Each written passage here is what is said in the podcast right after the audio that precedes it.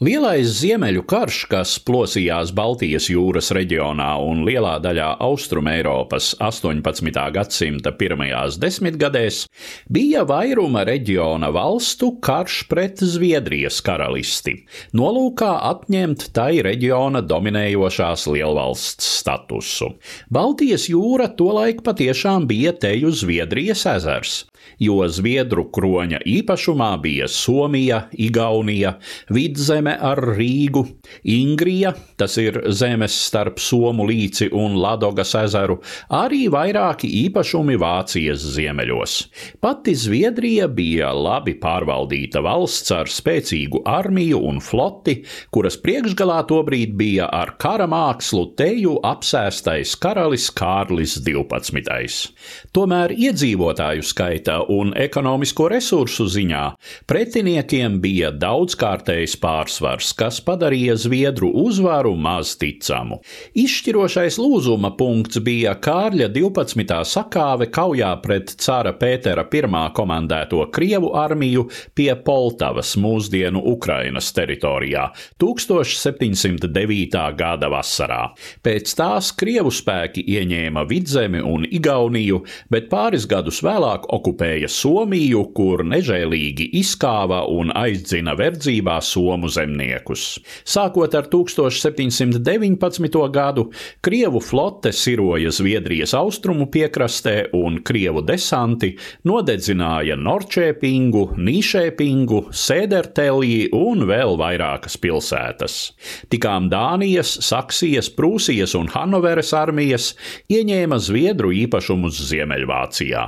Pats Kārlis 12. krita kaujas laukā 1718. gada novembrī, un pēc viņa nāves Zviedrijas pretinieku nometnē arvien noteiktāk iezīmējās tendence izbeigt šo karu, pie tam nesagraujot Zviedriju pilnībā, jo no šādas sagrāves pārāk liela ieguvēja būtu Krievija.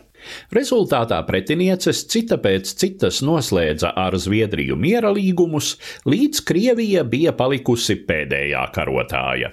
Miers starp abām valstīm tika noslēgts Nīštates pilsētiņā Somijas rietumos 1721. gada 30. augustā vai 10. septembrī pēc jaunā stila. Neīstenojās Zviedrijas centieni sarunu ceļā atgūt lielāko daļu Krievu ieņemto teritoriju. Cārs Pēteris apzinājās, cik novājināta ilgajā karā ir Zviedrija, un piekrita gan izvākties no Somijas, taču paturēja Ingriju, kur jau 1703. gadā bija licis pamatus savas impērijas jaunajai galvaspilsētai Pēterburgai, kā arī Igauniju un Vidzemi. Līgums gan paredzēja, ka Zviedrija joprojām drīkstēs izvest no saviem agrākajiem īpašumiem Baltijā ievērojamu daudzumu labi darbības bez muitas nodavām. Tāpat līgumā bija noteikts, ka šīs teritorijas saglabās savu luterāņu ticību un Zviedru varas laikā pastāvējušo pārvaldi, paražas, privilēģijas, nolikumus un skolas un baznīcas iekārtu.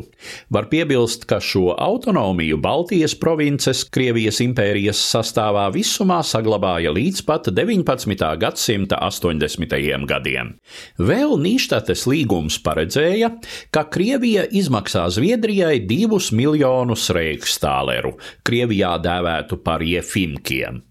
Tā bija ļoti iespaidīga summa, līdzvērtīga 56 tonnām sudraba, vienāda ar tā laika Zviedrijas karalistes gada budžetu vai pusi no Krievijas impērijas gada budžeta. Nav gan droši zināms, vai šis maksājums tiešām ir veikts, taču tas kļuvis par iemīļotu tēmu mūsdienu Krievijas šovinistiskajā diskursā.